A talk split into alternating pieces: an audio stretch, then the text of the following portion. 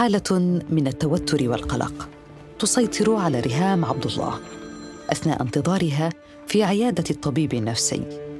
بعد أن قررت أخيراً أن تذعن لرغبة أهلها وتلجأ لمختص. علها تجد إجابة لما ظنته يوماً مساً أو حسد. أمي وأخواني هم اللي أصروا إنه أمشي للدكتور النفسي. بعد لاحظوا إنه في تصرفات مني آه، غير طبيعية. أنا في البداية فعلا كنت رغبت فكرة إني مريضة أو أمشي لطبيب. وقلت يمكن عين ويمكن سحر ويمكن حسد وعملت رغية مرحلة برضو أخذت مني يعني.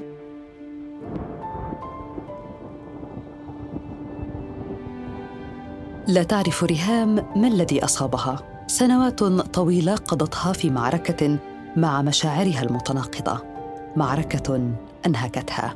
فما بين نوبات الهوس الشديد ونوبات الحزن الدفين أضاعت ريهام عشر سنوات من عمرها.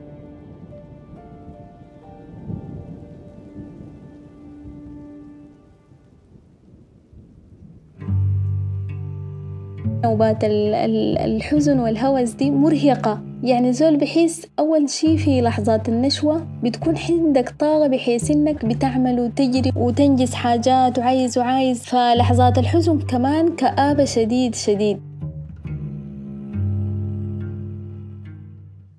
بالفعل ما وصفته ريهام لم يكن إلا الاكتئاب ثنائي القطب أو اضطراب العاطفة ثنائي القطب بايبولر المعروف في السابق باسم الاكتئاب الهوسي. في هذا البودكاست نتعرف أكثر على اضطراب ثنائي القطب أسبابه أعراضه ورحلة العلاج. هذه أنا يسرى أمين وهذه حلقة جديدة من بودكاست مرايا.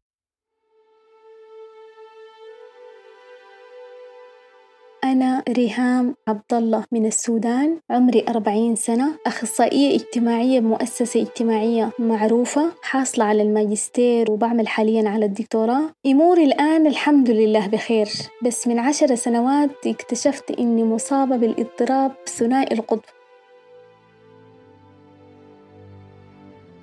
النوبة اللي اكتشفت منها إني مصابة بالاكتئاب ثنائي القطب. كنت على علاقة عاطفية بأستاذي في الجامعة وأحببته بدرجة كبيرة جدا. كنت أشعر بأني وأنه يمكن أن نغير العالم. كنت أشعر بأني أمتلك طاقات وقدرات غادرة على فعل المستحيل.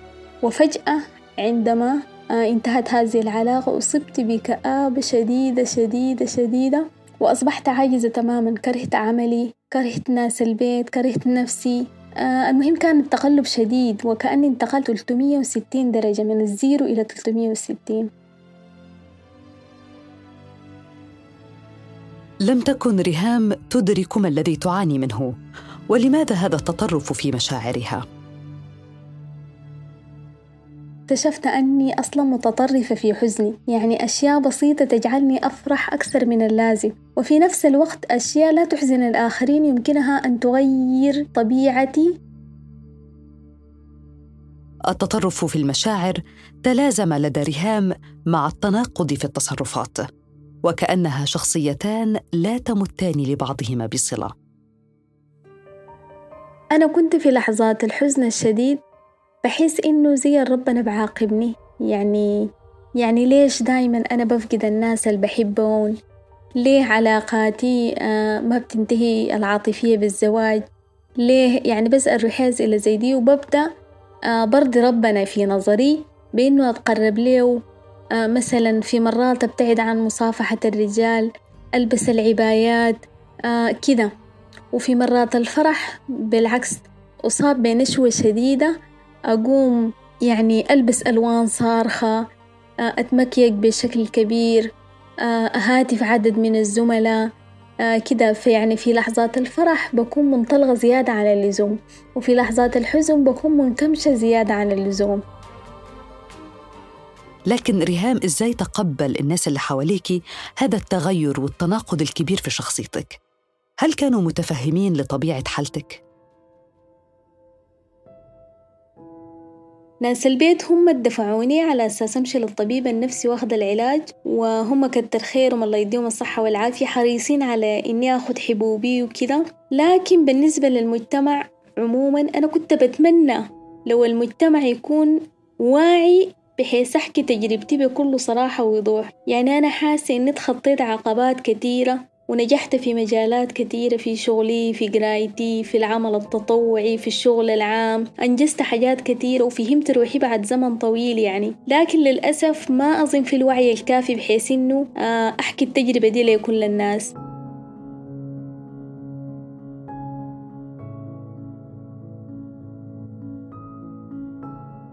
تخشى ريهام أن تصارح زملائها بحقيقة مرضها. فعندما يتعلق الأمر بالمجتمع والناس نعود دائما لنفس النقطة الوصمة.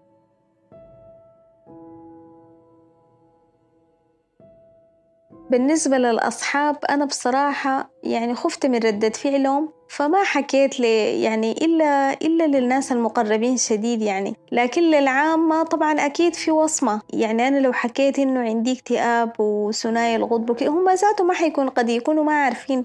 هو شنو اكتئاب ثنائي الغض لكن قد يكون لاحظ بعض الناس يعني مرات في أثناء العمل بفقد الرغبة في العمل وكده لكن قد ما يكونوا عارفين أنا مالي ولا عندي شنو فأنا ما حكيت لناس كتار إلا للناس المقربين لدي وبتمنى إنه الوعي ينتشر بحيث إنه يبقى من الساهل تحكي عن مرضك النفسي كأنه واحد من الأمراض العادية ريهام إزاي قدرتي تتصالحي مع مرضك؟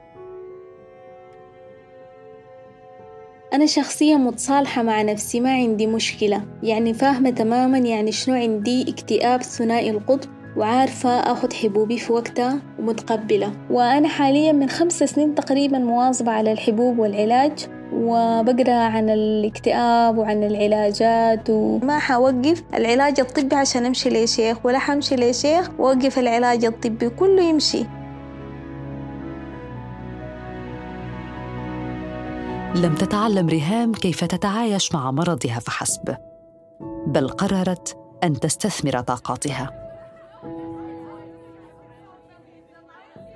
اللي اتعلمت من معرفتي بمرضي إنه ما أترك في نوبات الهوس أو الفرح الشديدة والنشوة طاقاتي تضيع هدر آه، بت أستثمرها وأتعاون وأتطوع وجهودي تروح في مجهود مقدر يعني بشتغل مع المعاقين بشتغل مع المدمنين بشتغل مع الأطفال المشردين. وأنا متأكدة إنه زمني ده ما حيضيع هدر كل اللي بقدمه للناس بيكون فيه عايد ليهم إن شاء الله وعند الله ما بروح شي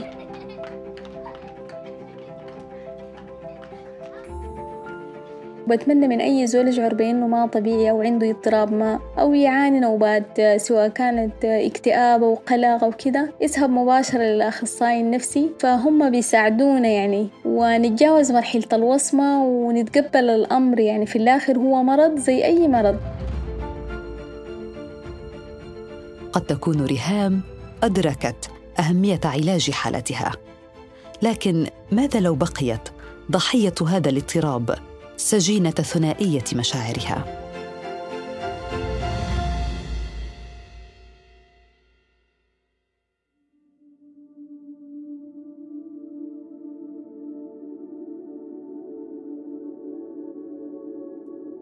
بحسب الكلية الملكية للأطباء النفسيين فإن الاضطراب ثنائي القطب يصيب شخصا بين كل مئة شخص في مرحلة من مراحل حياتهم. غالبا ما يقع الشخص المصاب بهذا الاضطراب في مأزق أخلاقي أو قانوني أو مالي. كما يقول دكتور طلال فيصل استشاري الطب النفسي. الهوس مقصود به هو حالة من السعادة المفرطة غير معتادة بالنسبة للشخص وبتمتد لفترة أسبوع على الأقل وبيكون بيصاحبها أنشطة أو أفعال ما يعملهاش الشخص في حالته الطبيعية ولا في حالته كمكتئب. بتبقى أبرز سماتها مثلا آه، شراء مبالغ فيه لدرجة تؤدي لخسائر مالية ارتفاع مبالغ فيه في المزاج خفة في التعامل مع الناس يبدأ مثلا فيلم وبعدين يبدأ شغلانة وبعدين يبدأ مشروع وبعدين ينزل يحاول يكلم شخص وإيه وهو بيتنقل في كل الأنشطة دي من غير ما يكملها. يتأرجح بقى الشخص صاحب ثنائي القطب بين الحالة اللي أنا وصفتها دي والحالة النقيضة اللي هي حالة الاكتئاب ويمكن دي معروفة عند الناس أكتر وما بيحصلش فيها خلط كتير. طيب دكتور طلال هل هناك أنواع أو درجات من البايبولر؟ الانتقال بين حالة الهوس الكامل وحالة الاكتئاب ده بنسميه في الطب النفسي ال bipolar 1 اضطراب ثنائي القطب من الدرجة الأولى وده بيستلزم ضرورة العلاج الدوائي لأن زي ما قلت هو يا إما بيوقع نفسه في مشاكل مالية أو في مشاكل عملية أو هو بيكون مش قادر يتم المهام اللي مطلوبة منه في البيت أو في العمل بسبب مشكلة التركيز وبسبب مشكلة ارتفاع المزاج.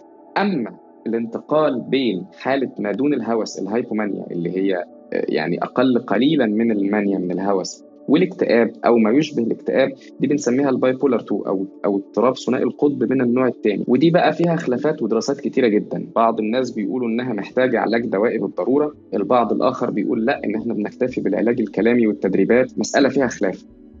دكتور طلال هل يحدث خلط أو هناك هامش خطأ عند تشخيص الاضطراب ثنائي القطب؟ بمعنى ما الفرق بين ثنائية القطب واضطراب المزاج العادي؟ هو الحقيقة في نوعين من الخلط يحصلوا مع اضطراب الثنائي القطبي الخلط الأولاني ده بيتشاف كتير وبيتشاف كتير في الأطباء المبتدئين هو الخلط بينه وبين الأمراض الذهانيه اللي هي السايكوزز اللي هي إنه شخص بيتخيل أشياء مش موجودة أو بيفسر الأشياء الموجودة تفسيرا آخر. الخلط بقى الثاني ويمكن هو الأهم للي مش مشتغلين بالمجال هو مسألة التقلب في المزاج. دي كتيرة جدا جدا إن يحصل لخبطة في المسألة دي ودي تمييزها سهل جدا. الهوس أو نوبة حتى ما دون الهوس هو إنه أنت توصل في ارتفاع المزاج لدرجات أنت مش متعود عليها من نفسك.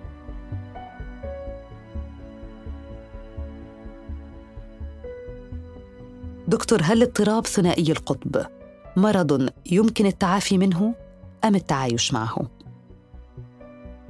كل الأشياء اللي في الطب النفسي اللي هي بنسميها اضطرابات مزاج هي الأمراض النفسية الأكثر قابلية للشفاء واللي أفرادها بيكونوا أكثر قابلية للاندماج بعد كده في الحياة الطبيعية. الكلام ده برضه بالتالي ينطبق على اضطراب ثنائي القطب. هو بيتحسن وبيستقر جدا جدا على الأدوية. السؤال بقى اللي بيتكرر كتير هل هفضل آخد الأدوية دي مدى الحياة ولا هل حاجة عند نقطة ومحتاجش أخدها؟ الحقيقة إن المسألة دي بتختلف من حالة لحالة. أحيانا كتير. هيتم التعامل معاه باعتباره مرض مزمن. إحنا محتاجين الدواء على طول لكن برضه في أحيان مش قليلة ممكن نبدأ نقلل الدواء بل ونستغنى عنه لاحقا.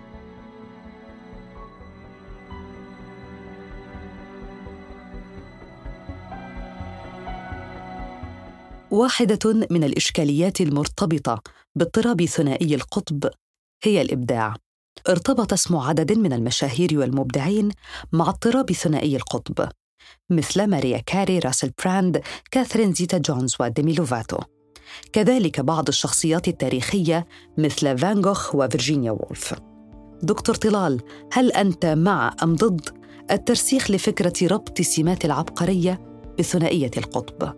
في كتاب لطيف جدا كتبه أستاذ طب نفسي في جامعه هارفارد تاتشد وذ فاير الممسوسون بالنار. هو دراسة في مسألة ارتباط اضطراب الثنائي القطب بمسألة الإبداع وهي خلصت لنتيجتين الأولانية إنه ممكن تكون الفكرة الإبداعية آه وارد إنها تحصل في حالة هوس. وده يفسرها إنه كتير من المبدعين كان عندهم مشكلة اضطراب ثنائي القطب دي ده كلام سليم. ولكن إتمام هذا المشروع يعني الفكرة تخطر في بال المبدع ولكن عشان يتمها في صورة مشروع رواية أو عمل فني أو فيلم أو إلى إلى آخره محتاج قدر من التركيز والثبات ما بيتوفرش للشخص في حالة الهوس. الأكثر شيوعا والأكثر قابلية للإنتاج هو اللي أنا وصفته بقى بالهايبومانيا اللي هي الهوس إلا قليلا اللي هي نقطة ما بين حالة المزاج العادي وما بين الهوس الكامل. دي لأن أصحابها بيكون تركيزهم أفضل شوية يمكن بيبقى عندهم القدرة على إتمام المشاريع أو إتمام الأفكار البراقة الخلابة اللي خطرت في ذهنهم.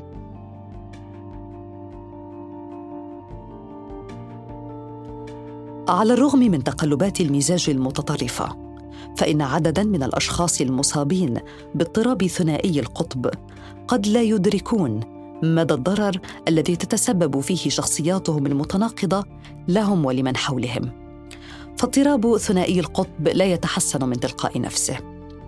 لذا فمن الضرورة أن يتم السيطرة على التقلبات المزاجية وغيرها من الأعراض من خلال اتباع إحدى الخطط العلاجية بالأدوية والعلاج النفسي جنبا إلى جنب من أجل حياة أكثر استقرارا وسلاما. هذه أنا يسرى أمين وهذا بودكاست مرايا.